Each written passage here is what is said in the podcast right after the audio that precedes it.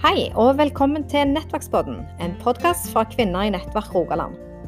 Her får du høre undervisning, gode samtaler om aktuelle tema og interessante historier fra spennende mennesker. Lytt gjerne med hjertet og se om det er noe som kan inspirere til nye og gode valg og rytmer både i deg og rundt deg. Er det noe du lurer på, så ta gjerne kontakt med oss på Facebook-sida vår. Mitt navn er Marianne Saltun Dag, og med meg er Elisabeth Kindervåg Husvegg.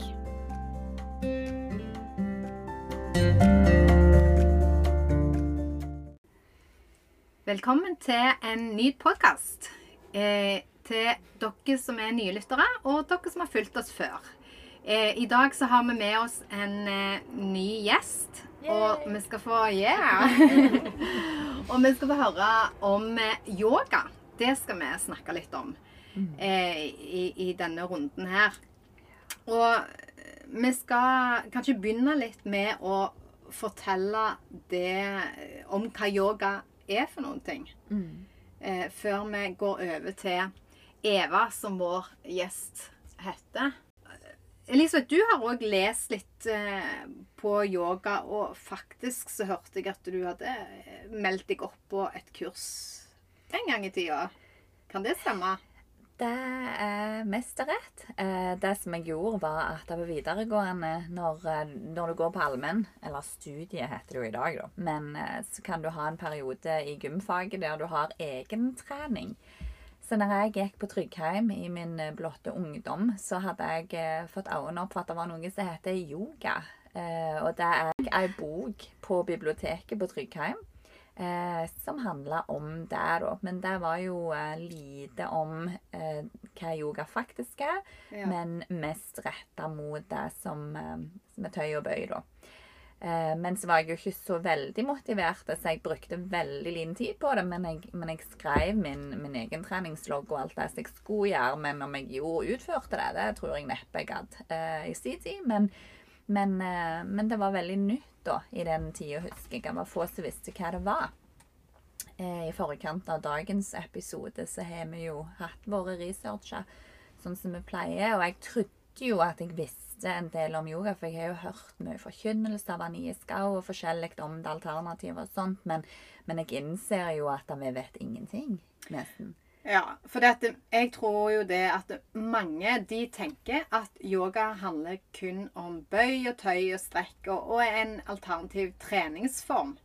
Eh, og at det i så måte er ganske uskyldig. Eh, og det kan jo være at det sånn eh, oppleves det.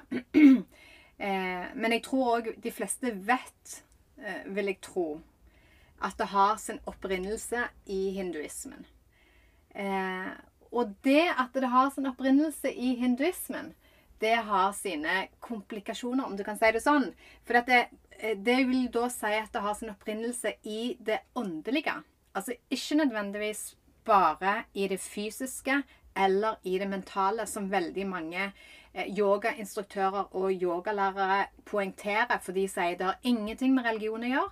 Eh, det er kun en mental øvelse, og det er kun en fysisk øvelse. Og det er en viktig ting for eh, folk å delta i. Eh, I den grad at de jobber med å innføre det i skole, og de jobber med å innføre det i barnehage.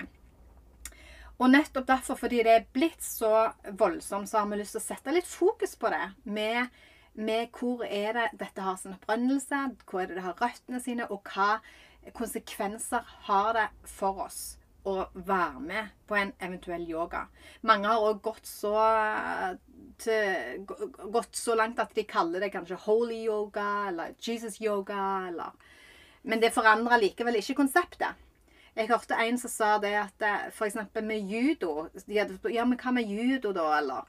Eh, og da eh, var jo på en måte Selv om de var er, Der det startet var buddhister, så var på en måte det hensikten med det var ikke en åndelig øvelse. Det var for å trene seg til selvforsvar når buddhistene var oppe, eller munkene var oppe i fjellet, uten å skade noen ting. Så utgangspunktet der var liksom en, en øvelse for å eh, forsvare seg sjøl.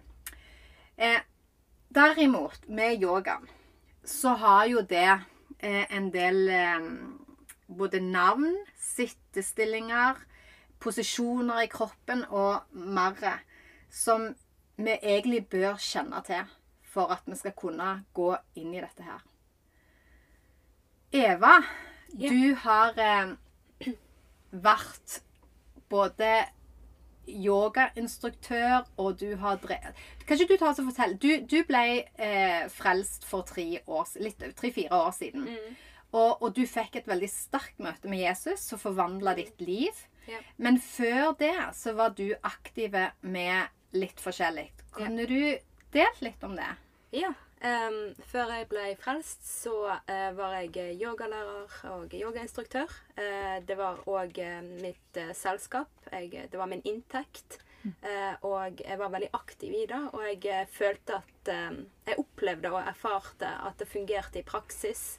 Både mentalt, eh, åndelig, men òg fysisk. Eh, så jeg trente òg eh, fotballag for at de skulle få økt mobilitet og eh, eksplosivitet på banen.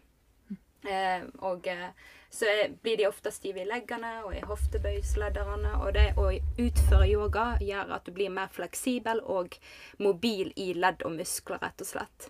Eh, så jeg hadde jo mange folk som òg strevde med ulike ryggproblemer og kneproblemer. Og folk som er overarbeida, som trenger avslappa. Så jeg fant ut at jeg var veldig interessert i det med kropp og helse. Og finne ut at jeg, jeg alltid mente at trening er den beste medisin. Og det å se at det fungerer i praksis, og se at yoga kan få deg til å være aktiv eller rolig, og kjenne at det sinnet blir tømt, og at du får en sånn connection med noe som um, du ikke helt klarer å sette ord på, men du kjenner at du får en connection med noe. Med deg sjøl, da. Det er jo det jeg mente før. Uh, jeg uh, begynte med yoga um, når jeg var kanskje 15 år. Uh, og det begynte jeg i form av terapi, fordi at jeg var perfeksjonist. Jeg jobba hele tida. Var en veldig aktiv person.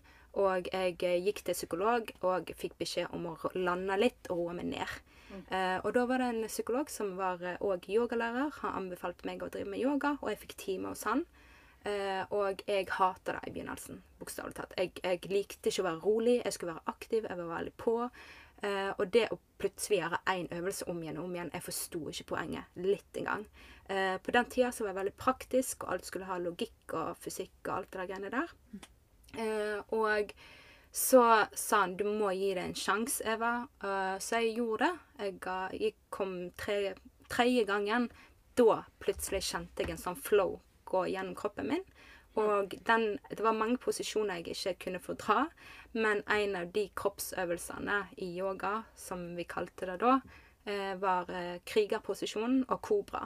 Eh, og jeg er en kriger, eh, og det var liksom min eh, Der sa det en klikk, og jeg bare tenkte at dette her liker jeg. Så ble det til at jeg bare gjorde det av og til, og, og ja, syntes det var spennende. Og jeg kjente at jeg fikk Han sa, han yogalæreren han sa at jeg fikk til veldig mange vanskelige ting på veldig kort tid. Og da blir jo jeg mer Å, oh, wow, jeg får til det som er vanskelig. Og det fanger med min eh, ja, oppmerksomhet, da, rett og slett. Og jeg tenkte ikke noe mer på det annet at det skulle hjelpe meg til å være litt sentrert. eh, og eh, ikke være hele tida på topp og ha overaktiv hjerne. Så lang historie kort, så begynte jeg å komme i kontakt med andre som drev med yoga, og så blir du kjent med, får du et nettverk, og noen er, eh, driver innenfor mindfulness, og så tenkte jeg hva er det for noe, og jeg var veldig sånn, jeg er en person som liker å lære, så jeg liksom, ok, ja, jeg vil prøve ut mindfulness. Jeg likte ikke det, synes det var bare drit, fordi at det, igjen, du må være rolig, du må tømme tankene, jeg skjønte ikke poenget. Men jeg er ikke en som gir opp, så jeg prøvde om igjen, og så plutselig så fikk jeg en sånn åndelig opplevelse. Jeg, eh, altså, jeg kan forklare hva det er nå, men da så tenkte ikke jeg noe mer på at, oi, jeg kan se i en annen dimensjon. Eh, Så jeg så i den åndelige verden, jeg så farger rundt folk, og jeg tenkte hva er dette her for noe? Så jeg gjorde research, så jeg begynte også å se at chakra, eh, som er eh, et sånt energimomentum, et sånt energiting som du kan praktisere. Så når du aktiverer chakra i kroppen din eh, Jeg trodde på det tidspunkt alle har en chakra, men alle er ikke klar over det. Og du kan aktivere den. Og det er sju felt i chakra, og hver chakra har yogaøvelser som du kan praktisere for å aktivere en eh, hver chakradel. Så nå blir det vel, Jeg skal ikke gå så veldig masse inn på det nå, men summa summarum så ble det til at eh, yoga åpna seg til chakra. Det åpna seg opp for mindfulness. Eh, og så begynte jeg å praktisere the secret, the law of attraction, loven om tiltrekning, og jeg merka at det bare funka. Ja, for akkurat det var jo altså Når du nevner det, The Law of Attraction, and, Mm. så var det jo ei bok som var veldig populær Ja. eh, på, for en 10-15 år siden, som heter The Secret. Mm. Som handler nettopp om eh, The Law of Attraction. Da, Yes. Og magien i dette her. At hvis du bare tenkte eh, nok positivt, så ville du eh, få det du ønsket, sånn helt eh, Eller det du taler ut Ja. til universet, det vil universet gi deg. Ja. Og det stemmer. Jeg fikk penger. Jeg fikk eh, nådde målet jeg skulle gjøre. Jeg, altså, det funka. Det var liksom det jeg trengte i de tilfellene jeg sto og talte ut i universet, så fikk jeg det. Så jeg begynte jo å tro på universet, eh, kjærligheten i alt. Og jeg mente liksom det å gjøre gode ting for verden, og begynner, så begynner du å tro på karma. Og så tenker du at eh, what you give is what you get. Altså det du gjør, er det du får. Og eh, ja, det du sender ut, er det du sender, får tilbake igjen. Så det loven om tiltrekning er det du taler ut. Det du taler ut i universet, det er det du får tilbake igjen. Så du kan be universet om å gi deg ting. Og det som er viktig å være klar over, at den som regjerer rundt omkring i universet, det er jo Satan. Han flyr rundt omkring i verden og vil gi deg det du trenger, så lenge du holder deg under Jesus. Altså, jeg tenker jo eh, Jeg hørte med et studie òg at det, Mm. eh, de som begynte med eh, De som begynte med yoga, Mm. der intensjonen i utgangspunktet var fysikk, eh, på en måte, altså for fysisk øvelse, Mm. så endte 60% av de ut i videre eh, åndelige, altså fikk en interesse. Og det, det som du beskriver nå, det høres jo nesten ut som akkurat det. Ja. At du begynte OK, jeg må finne liksom roen, jeg må finne det for å få trene meg, og liksom Og så leda det, førte det deg ut i en dypere spiritualitet, sant? Mm. Eh, som gjorde at du ble opptatt av alle disse tingene her. Mm. Og, og når du nevner da denne her universelle kjærligheten, eller den universelle guden Hvis vi da går tilbake til hinduismen, så er det nettopp det som er deres De har eh, den der tanken om brahman, eh, sant, som er den den universelle guden. sant? Og så har du dette her på innsiden av deg sjøl, som skal på en eller annen måte bli ett da, eh, med, med, med disse tingene her.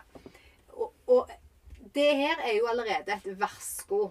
Sant? For sånn jeg har forstått òg, så er, betyr yoga at du skal bli ett. Sant? At du skal Forenes. forenes, ja. Det som er viktig å få fram, det er at yoga betyr å balansere kropp, sinn og ånd. Men hvilken ånd? Det er ikke Den hellige ånd. Og det er det mange ikke vet. Hva betyr ordet yoga? Yoga er yoga, uansett om det setter et ord foran det eller bak det. Yoga vil alltid bety yoga. Og det er akkurat som synd er synd. Du kan ikke si at eh, synd er ikke synd hvis du putter et ord foran det eller bak det. Synd er fortsatt synd. Du kan ikke endre på ordet, eh, ordets betydning eller definisjon. Så eh, det å balansere kropp, ånd og sinn, og det er nettopp det du gjør. Det er liksom det at du disiplinerer tankene dine. Du tømmer de, du disiplinerer de til å holde fokus på én spesifikke ting. Og så disiplinerer du kroppen din til å adlyde den ånden, altså det vil si den øvelsen du gjør. Og det er det som er så Altså, yoga er jo en fantastisk selvdisiplinering fordi at du adlyder det du har fokus på. Og så når du gjør den spesifikke øvelsen om igjen og om igjen, så disiplinerer du kroppen din til å obey, altså adlyde den ånden du tilber. For hver øvelse har et navn på sanskrift, og hver øvelse har sin kraft, sin energi. Og du kan gjøre én øvelse om igjen og om igjen, og det er den ånden du åpner det for, og det er den energien du kjenner strømme gjennom kroppen din. Og det er derfor det er ulike typer yoga. Det er yoga for å få aktivisert energi. Det er yoga for å få aktivisert eh, peace, altså du kan ikke si fred, men liksom ro, da, i, på norsk. Um, og så er det liksom yoga for å få uh, mer fokus. Og det er liksom hver øvelse gir deg den kraften og den energien du oppsøker.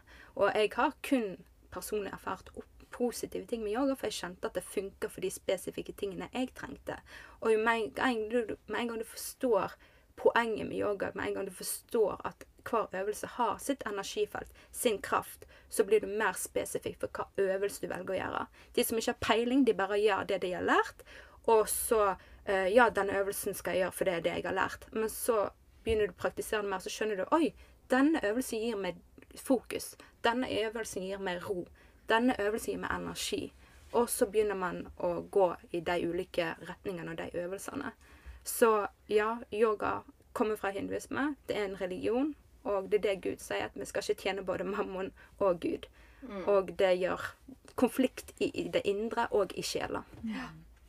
Nå når du snakker, Eva, så forstår jo jeg at dette med yoga det er ikke bare gymnastikk, for å si det sånn.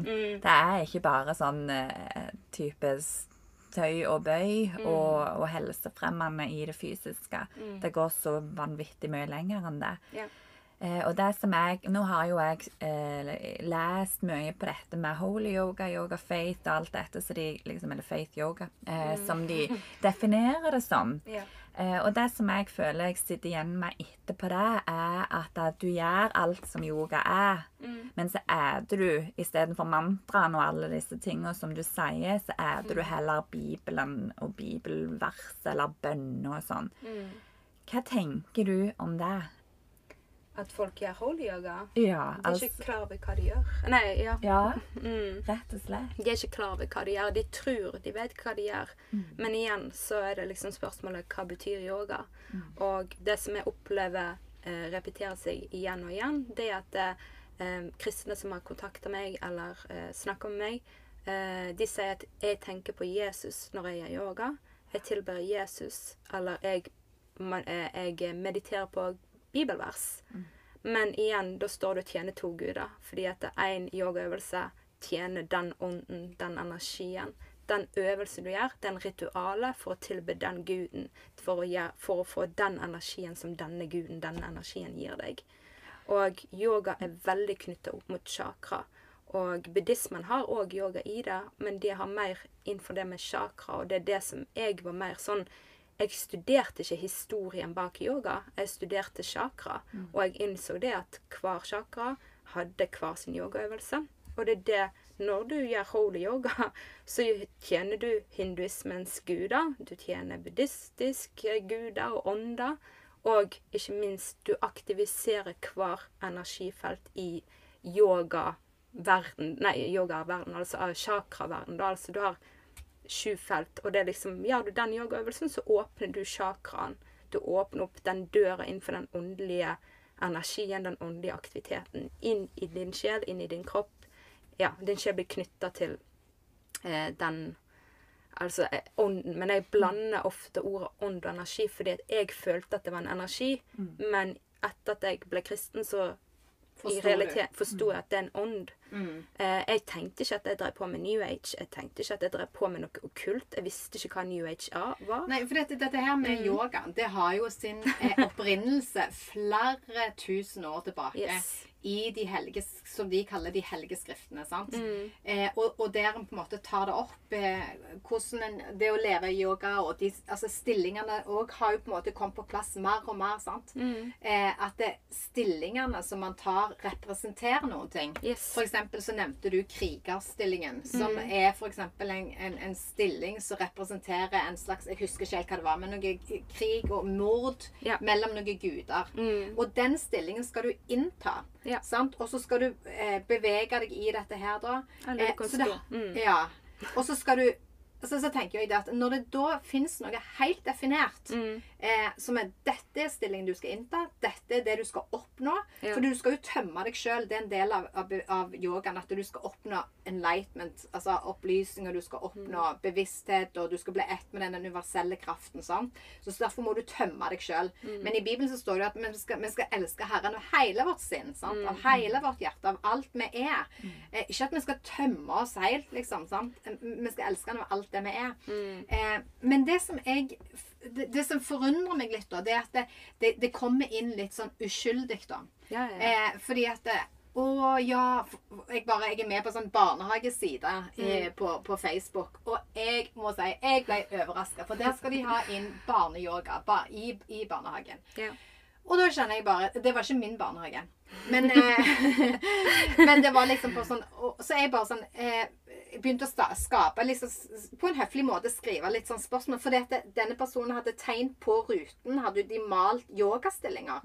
Og det virka jo å, men så koselig. Det var sommerfuglstillingen, og det var liksom eh, lotusstillingen, og det var Ja, altså det, sånn, og det hørtes Ja, det hørtes så uskyldig ut. Og ja, men hva som er galt med at folk skal, Ungene må jo finne roen, og det er en travel hverdag, og bare få være stille litt grann, og tenke på naturen og Så hvis du hører det sånn, så tenker du ja, why not, altså? Ja, ja. Hallo.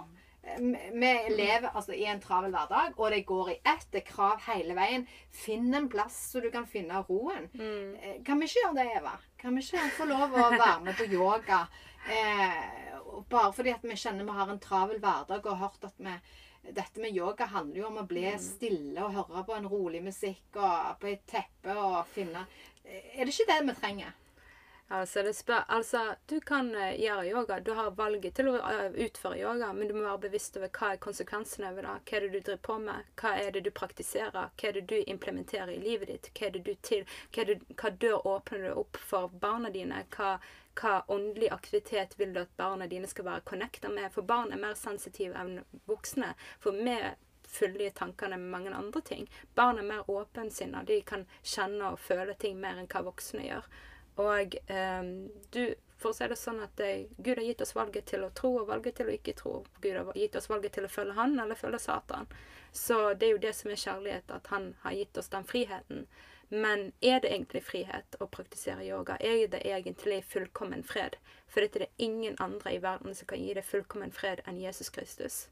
Eh, Og grunnen til at jeg sier det, er fordi jeg har praktisert yoga i mange år. Jeg vet hva fullkommen fred er. Jeg har opplevd Jesus, jeg har opplevd yoga. Og jeg har, ja, jeg har opplevd fred med yoga, men ikke fullkommen fred på noe som helst måte. Og jeg var ganske inn i yoga, og jeg kan ikke si at jeg har opplevd fullkommen fred. Det ene som har gitt meg fullkommen fred, ro i sinnet, ro i tankene, ro i hjertet og i sjela, det er Jesus Kristus. Han tok vekk all uroen som jeg har gravd over med yoga, gravd over med chakra, gravd over med alt. Jeg har liksom dekka det til med løgn og eh, levde på et falskt filter der jeg så med egne øyne, basert på kunnskap som jeg hadde lest, at sånn er yoga, og jeg kan velge å gjøre det sånn eller sånn. Men realiteten er ikke sånn. Så yoga er igjen eh, stammer ifra, eh, kommer fra hinduismen. Og det er ikke bare sånn at eh, å, hinduisme de praktiserte yoga. Det var ikke bare det, men det var for å oppleve den connection med ånder.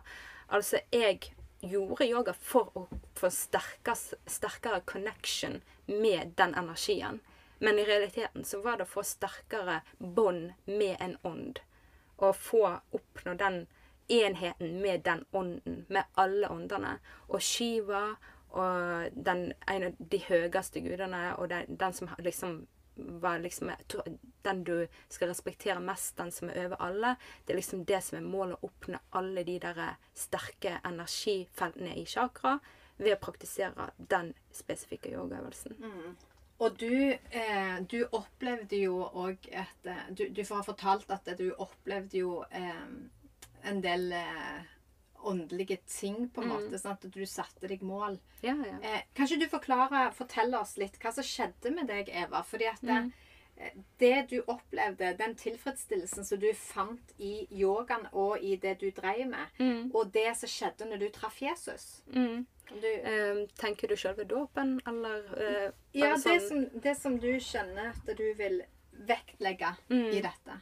Altså ehm, Igjen så ehm, Nå er jeg kristen, jeg er frelst. Uh, og jeg har kun som jeg repeterer bare meg selv, men bare for å gjøre ting klart, da, det at jeg har kun opplevd positive ting med yoga. Eh, og til tross for det, så velger jeg fortsatt å ikke praktisere yoga. Jeg vil ikke det. Jeg vil ikke gå tilbake der. Og jeg, eh, jeg kan veldig masse om yogaøvelser. Jeg vet hva yogaøvelser kan gjøre for å oppnå f.eks. mer mobilitet i de og de leddene, eller få økt blodsirkulasjon og aktivere ulike organer til å virke på en spesifikk måte.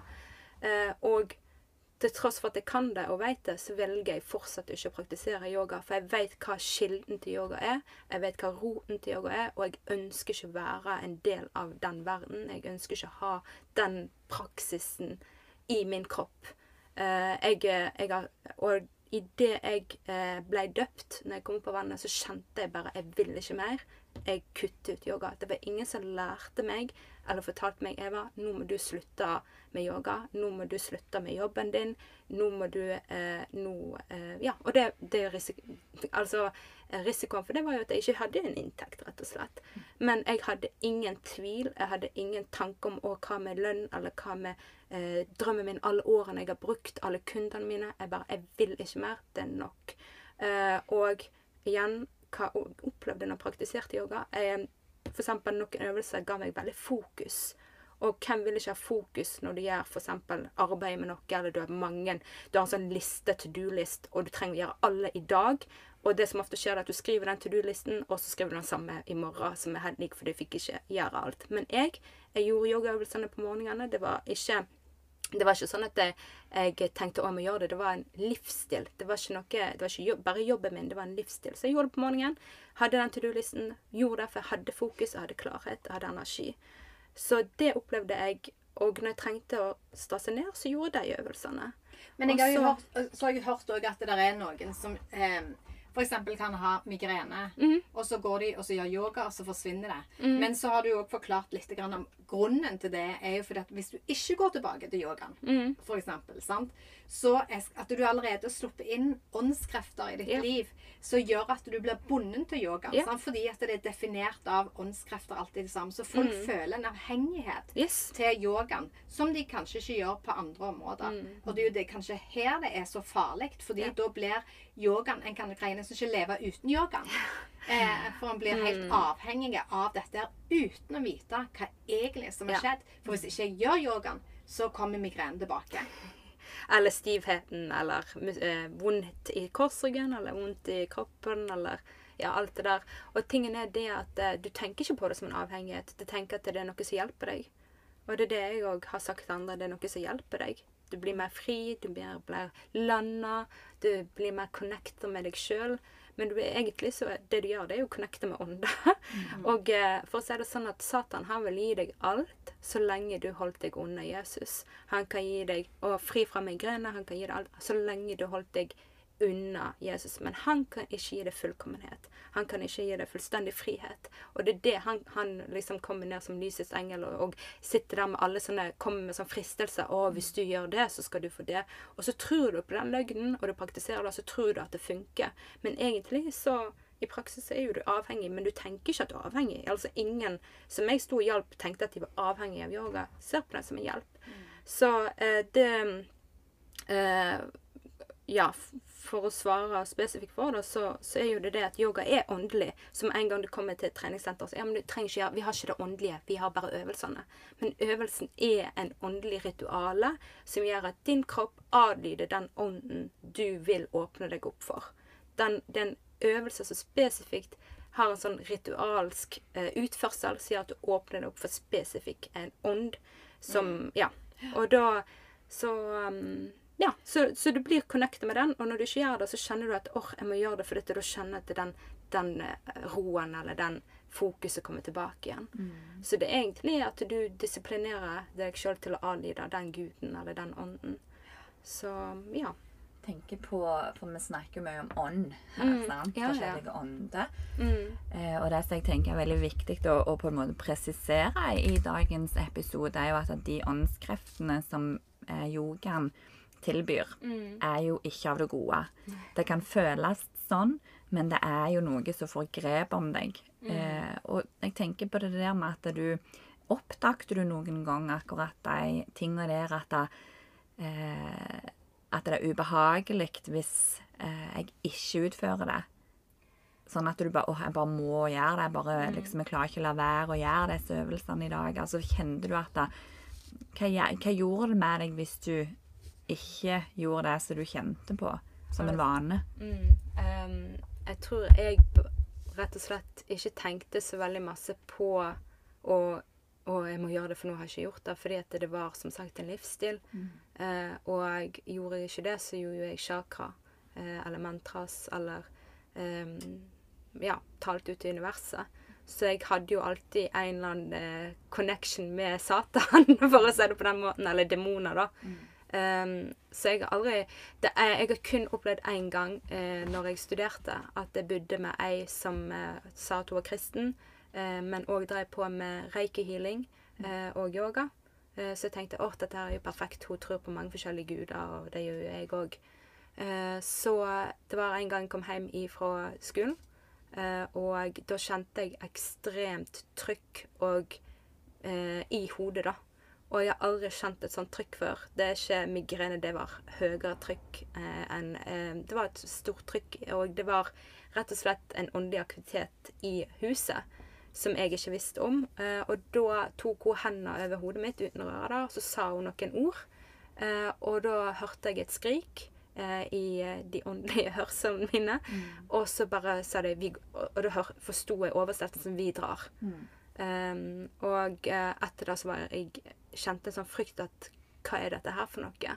Eh, og da tenkte jeg at OK, jeg skal bare lande litt mer og så gjøre yoga, for da kjenner jeg mer ro og beskyttelse og fred. Så jeg må være sterkere i min chakra for å kunne beskytte meg mot onde ånder. For det er jo det du tror på, at det er gode ånder, det er onde ånder. Så altså jeg, vil, jeg kan ikke si et kort svar på det, fordi at eh, jeg, det var bare liksom en del av meg å gjøre en eller annen form for åndelig aktivitet. Så om jeg ikke gjorde yoga, så gjorde jeg noe annet. Um, Jeg, jeg, jeg tenker jo òg for de som lytter nå, eh, og, og for du som eh, Som det høres ut som Det er veldig rart, liksom, når vi snakker om åndelig verden, så er det jo fordi at vi eh, I Bibelen så står det om at det er en åndelig verden. Eh, vi har vår kropp, og vi har det vi kan føle, kjenne, ta på, men det fins òg en åndelig verden. Og det er jo det Eva beskriver her nå når hun snakker om demoner og, og den aktiviteten som foregår i påkallelsen gjennom stillingene. Men det som, eh, og, og poenget vårt med podkasten her er jo òg å gå, gå litt mer inn i materien her. sant? Yeah. Det er jo nettopp å eh, formidle det som er, eh, egentlig skjer når vi holder på med yoga. Eh, og jeg må jo si at jeg, eh, jeg, jeg må si jo takk og pris og ære til Jesus. Fordi at eh, du, Eva, du levde av dette her. Dette var din, ditt liv. Det hadde blitt en livsstil. livsstil. Det begynte veldig uskyldig. Du skulle bare trene, du skulle øve, du skulle finne liksom ro i en hverdag. Så førte det deg, sikkert fordi du har hatt en åndelig lengsel òg, så har det ført deg inn i, i dypere eh, spiritualitet gjennom yogaen. Eh, på, på den måten at det ble hele ditt liv, og det ble din inntektskilde. Det ble din identitet. Det var det du gjorde, og det var det folk kjente deg for. Og jeg tenker at det, det som skjedde når Jesus kom inn i livet ditt, det var ikke bare sånn Ja, Jesus fins. Jeg tror på han. Men det var en radikal omvendelse du tok, eh, Eva. Det var en omvendelse fra et liv og en livsstil. Ja. Og det er jo det nettopp dette Jesus eh, kaller oss til. Og som jeg òg har lyst til å si sånn helt på slutten, at det, eh, Jesus han har kommet for å gi oss nytt liv. Han, at vi skal bli født på ny. Og i det så ligger det forløst, det ligger tilgivelse fra det som har vært, og, og vi blir kommet inn i et helt nytt liv. Og det kjente du, for jeg traff jo deg rett etterpå. Sant? Og da, da var du hos noen eh, andre venner, og så hadde du på en måte gitt opp. Du hadde bøker, og du hadde alt mulig. sant? Eh, og så har du bare ut fra dette her lært å OK, Jesus, nå er du mitt liv. Vis meg, led meg. Eh, du har tatt ny jobb. Du har eh, eh, orientert deg på en helt annen måte. Og det er litt av det som er, er, er greia. For når Jesus får komme inn og erstatte eh, den tomheten og den type eh, liv som har vært, og få forvandle det for å vise Ja. at det finnes noe bedre jeg, Det er jeg som har skapt deg. Jeg har skapt deg, Eva. Jeg vil du skal komme hjem til meg. Jeg er din rette far. Alt at andre er bedrag. Det er eh, forvirring. Og, og det fins ikke en ev, sånn som du sa, en sann fred. En evig fred. Det kan være noe som er eh, in the moment. Altså noen ting som er imidlertidig. sant? At en skjønner at nå fant jeg roen, og nå fant jeg freden, og nå fant jeg eh, momentumet mitt. Og, sant? Men det er ikke noen ting som varer. Du må aktivisere den. Du må aktivisere deg igjen og igjen på en måte ved hjelp av eh, kroppen din og med åndsmakter.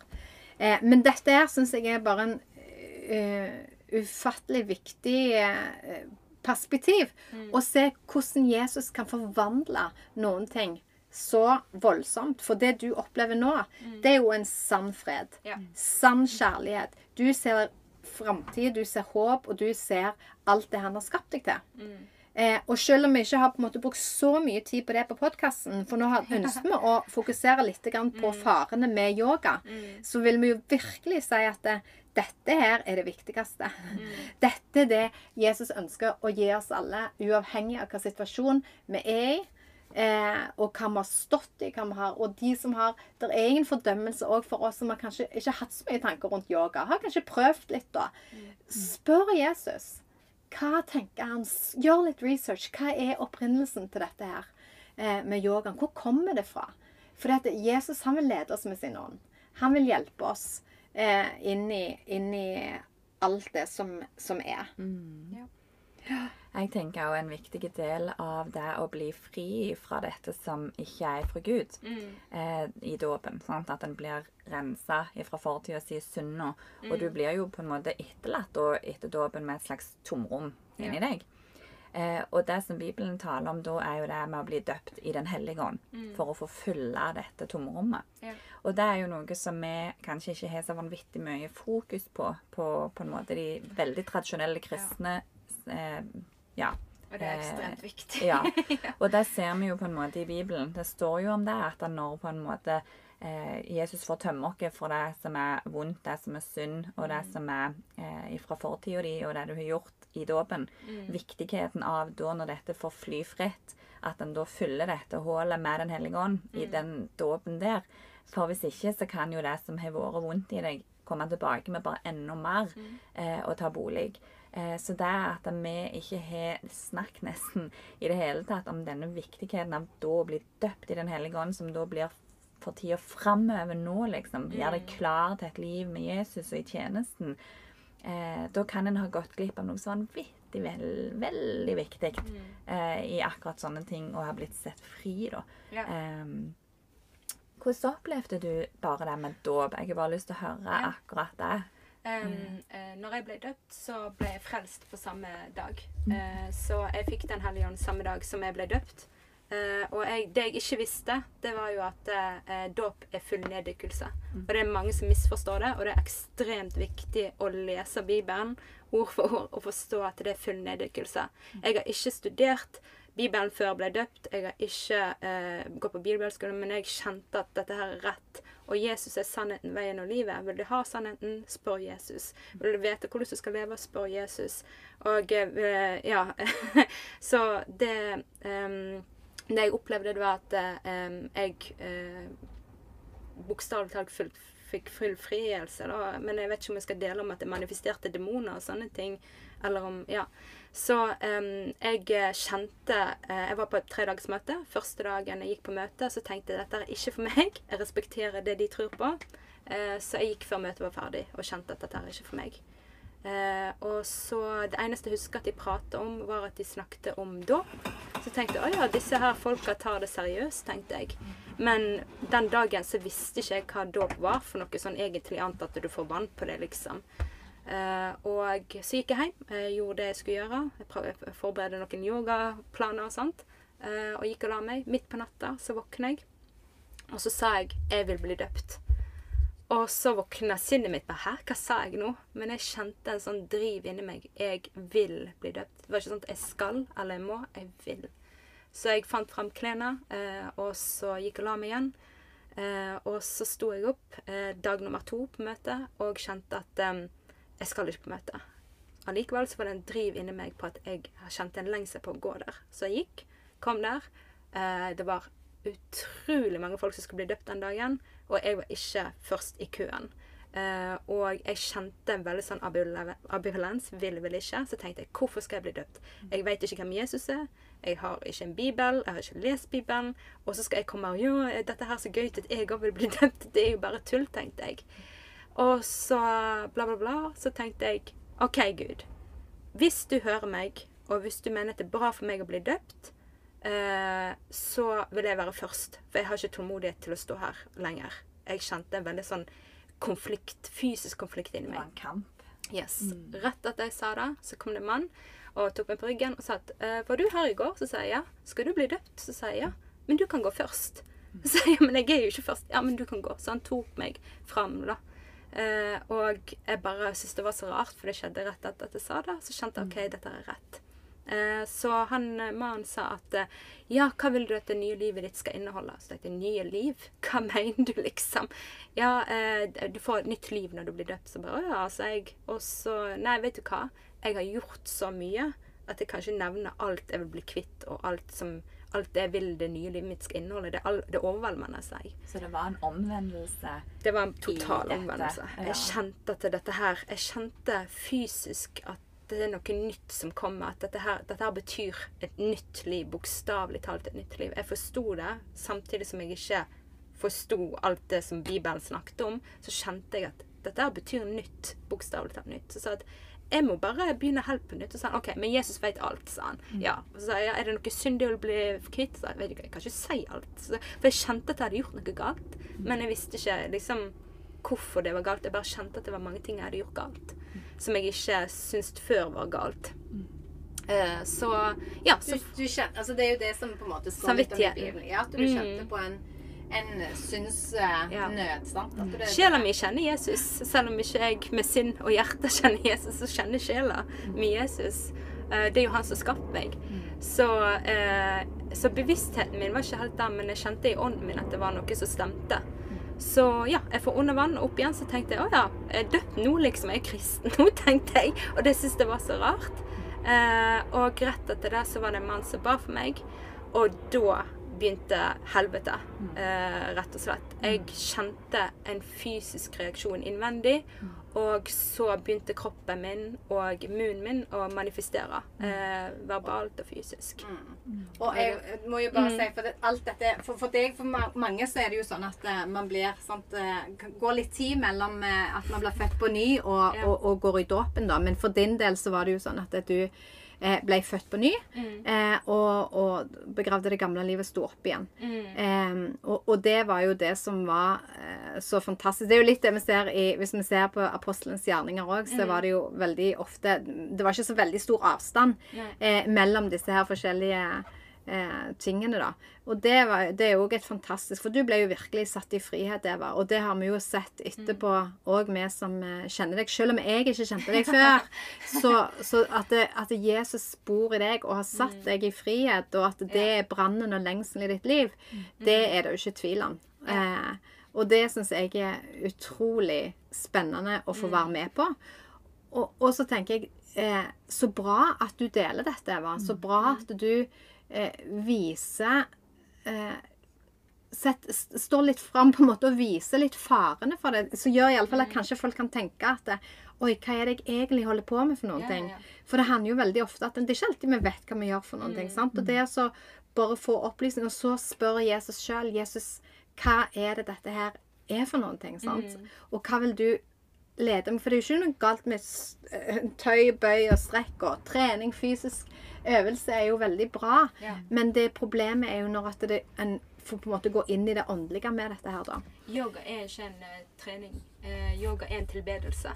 Uh, og så ja, men jeg gjør bare øvelsene. Men selve øvelse er en rituale som er en tilbedelse. Og det er det som Bibelen sier kropp, ånd og sjel. Og det var det jeg forsto i dåpen mens jeg sto og manifesterte. Det er kropp, ånd og sjel. Mens yoga snakker om kropp, sinn og ånd. Men de snakker ikke om sjela. Og det er det Satan Han vil ikke snakke om sjela di. Han vil snakke om hvordan du skal bli distrahert til å være fokusert på alt annet i verden enn Jesus. Så når Bibelen sier at det er kropp, ånd og sjel, så er det viktig at man forstår at vi har Den hellige ånd, vi har Jesus, vi har Gud, den treenige Gud. Og hvis vi skal tro på Bibelen, så må vi òg tro på Den hellige ånd. Og det er det jeg ikke skjønte før, rett etter dåpen. At de prøvde å få meg til å tale i tunge. Jeg skjønte ikke poenget med det. Hva er vitsen med det? Og eh, jeg tenkte dette er bare tull, og så tenkte jeg ja, jeg skal bare gjøre det for å være høflig. Eh, men jeg fikk jo ingen ord, så jeg gjorde jo ikke noe. Eh, og så når jeg var på vei på toalettet for å skifte klær, så var det ei dame som spurte taler du tunge. Så tenkte jeg jeg skal svare nei. Skulle jeg til å åpne opp munnen min? Idet jeg åpnet opp munnen, så talte jeg i tunge. Og da kjente jeg at Den hellige ånd traff meg sterkt. Og jeg forsto at det er kropp, ånd og sjel. Og Den hellige ånd er supersensitiv. Og hvis du ikke inkluderer han, så får ikke du den fullkomne forståelsen av Guds ord. Og hvis du elsker Gud, hvis du elsker Jesus, så må du òg ha Den hellige ånd med i livet ditt, med i hverdagen din. Som kristen så må vi òg hvis man tror på Gud, så er det den treenige Gud. Og hvis man ikke Ja, men det er sånn som det var i Gamle testamentet. Nei, det er ingenting Gamle testament eller Nye testament. Den hellige ånd har alltid vært der. Og det er ikke noe nytt eller eh, noe som var før i tida. Den hellige ånd har alltid vært der. Og Jesus sier òg at vi skal respektere Den hellige ånd. Og det er det jeg trodde jo at alle kristne hadde Den hellige ånd. Jeg trodde alle kristne forsto hva Den hellige ånd var. Tungetallet. For det var det jeg fikk første dagen jeg ble døpt. Så tenkte jeg wow, dette er jo spennende. Jesus er jo kul. Fordi at jeg har jo alltid uh, lært det som er på skolen. Religion. Men kristendom er ikke en religion. Jeg hater religion. Altså, det er veldig sterkt ord å hate, men jeg syns ikke om religion. Jeg syns om eh, kristendom fordi det har ingenting med religion å gjøre. Det har med relasjon med pappa Gud, med Jesus og Den hellige ånd. Og med en gang jeg fikk den åpenbaringen om at wow, det er kroppen og en sjel, og det er en hellig ånd som bor i meg nå, da tenkte jeg dette her vil jeg ha. Dette her er jeg sulten på. Og så tenkte jeg han jobber jo med meg. Og det er det jeg kjente at det er renhet. Den hellige ånd er renhet. Det er han som leder meg på den veien Gud vil ha meg. Det er han som leder meg på hva som er rett eller galt. Det er han som lærte meg og viste meg hva Eva, du har noe i huset ditt som jeg, jeg ønsker at du bli, vil bli kvitt. Og eh, jeg fikk mange profetiske drømmer. Jeg visste ikke at det var profetiske drømmer. Jeg fikk profetiske ord som jeg ikke visste hva det var, men som jeg lærte underveis. Og Den hellige ånd er den beste veilederen, den beste læreren du noensinne kan ha. Og hvis du ønsker å vokse i Guds ord, ønsker å vokse med Jesus, ønsker å liksom, ha mer av Jesus eller oppleve kjærlighet, Guds kjærlighet og Guds fred og alt det der, åpne deg opp for Den hellige ånd. For han er ikke farlig. Han er den beste vennen du kan noensinne ha. Og jeg gav jo opp på masse nettverket mitt. Jeg gav opp masse. Jeg var et stort offer som var egentlig litt sånn Wow, alt det jeg bygde opp, det skal jeg gi opp nå på én dag. Og det gjorde jeg. Fordi at jeg kjente den tryggheten som Helligånd ga meg. Hadde ikke jeg fått Den Helligånd den dagen, så vet ikke jeg om jeg, Da hadde jeg hatt én fot innenfor helvete og en annen fot innenfor himmelen. Og gått liksom og stampa liksom én vei eh, her og én vei der. Og hadde ikke egentlig kommet noen vei. Jeg hadde bare stått og gått i sirkel. Eh, takket være Den hellige ånd så viste han meg bøker som inneholdt masse okkulte ting som jeg ikke tenkte var okkult. Eh, han viste meg objekter, ting og symboler jeg hadde i huset, som åpner opp for den åndelige verden til at den kan manifestere seg i heimen din, gjøre det distrahert, gi det uro, gi det ufred. Og mange tenker ja, men jeg er kristen, jeg gjør ikke yoga. Jeg, gjør, eh, jeg, jeg har gjort noen øvelser fordi jeg har fysioterapeuten min har sagt det hjelper for korsryggen og alt det der. Og så har de en sånn Oi, de har kjøpt en eller annen figur på Nille eller på Kremerhuset som ser veldig kul ut, og det er hodet av en buddha, liksom. Og det, for å si det sånn, med en gang du implementerer sånne ting i huset ditt, og du kjenner at du har uro, du kjenner at du er stressa, du kjenner at du åh, Gud sier at jeg må være snill, eller jeg må ikke liksom kjefte på ungene og alt det der greiene der. Og så er det rett og slett fordi at du har åpnet opp døra for at den demonske verden kan manifestere seg i heimen din. Fritt. Jeg Eh, tenker jo bare sånn det jeg sitter igjen med etter alt du deler nå. Mm. Eh, om du opplever at folk generelt tar veldig lett på de åndelige tinga. Bare sånn til det med at du ubevisst går og handler liksom en kul Mm. buddha i gull som passer til interiøret, og setter på hylla hjemme. Absolutt. Opplever du at folk rett og slett bare Kanskje Vi er jo uvitende mange om disse Mm. tingene, for at vi går jo ikke opp i det til vanlig. Men tenker du at det hadde bare folk visst? Ja. Mm. Hvis de, for å si det sånn at Grunnen til at jeg kom inn på det med symboler og eh, pynteting og sånne ting, er fordi at eh, mange ignorerer Den hellige ånd, eller tenker at det er ikke, det er ikke for meg, eller liksom det, Jeg tror jo på Jesus, hvorfor skal jeg ha Den hellige ånd? Eh, men med en gang du har Den hellige ånd, så vil du òg merke at du blir mer sensitiv og oppmerksomhet. Oppmerksom på hva som er greit, og hva som ikke er greit. Uh, og som igjen da er fri vilje. Men hvis du ønsker å oppnå at du kjenner at du går i Guds ledelse og Guds vilje, så er det veldig god fordel å lyde eller liksom følge det han leder det til. Og det at folk ja. Det folk har veldig lett for, det at de tenker at ja, men jeg tror jo ikke på hinduisme og buddhisme. Jeg bruker det bare som en pynt. Men en pynt har et symbol. Akkurat som korset. Det har et symbol. Det har en mening. Og med en gang demoner flyr rundt omkring, og de sier 'Oi, der har en åpna døra for at jeg kan ta bolig her'. Så da vil jeg gå rundt og så kose meg litt her, og plage deg litt, og forstyrre deg litt, og distrahere deg. Og gi deg eh, distraksjoner, og tenke at det der er greit, og det der er ikke greit. Og med en gang du åpner opp for én ting, så er det ekstremt lett.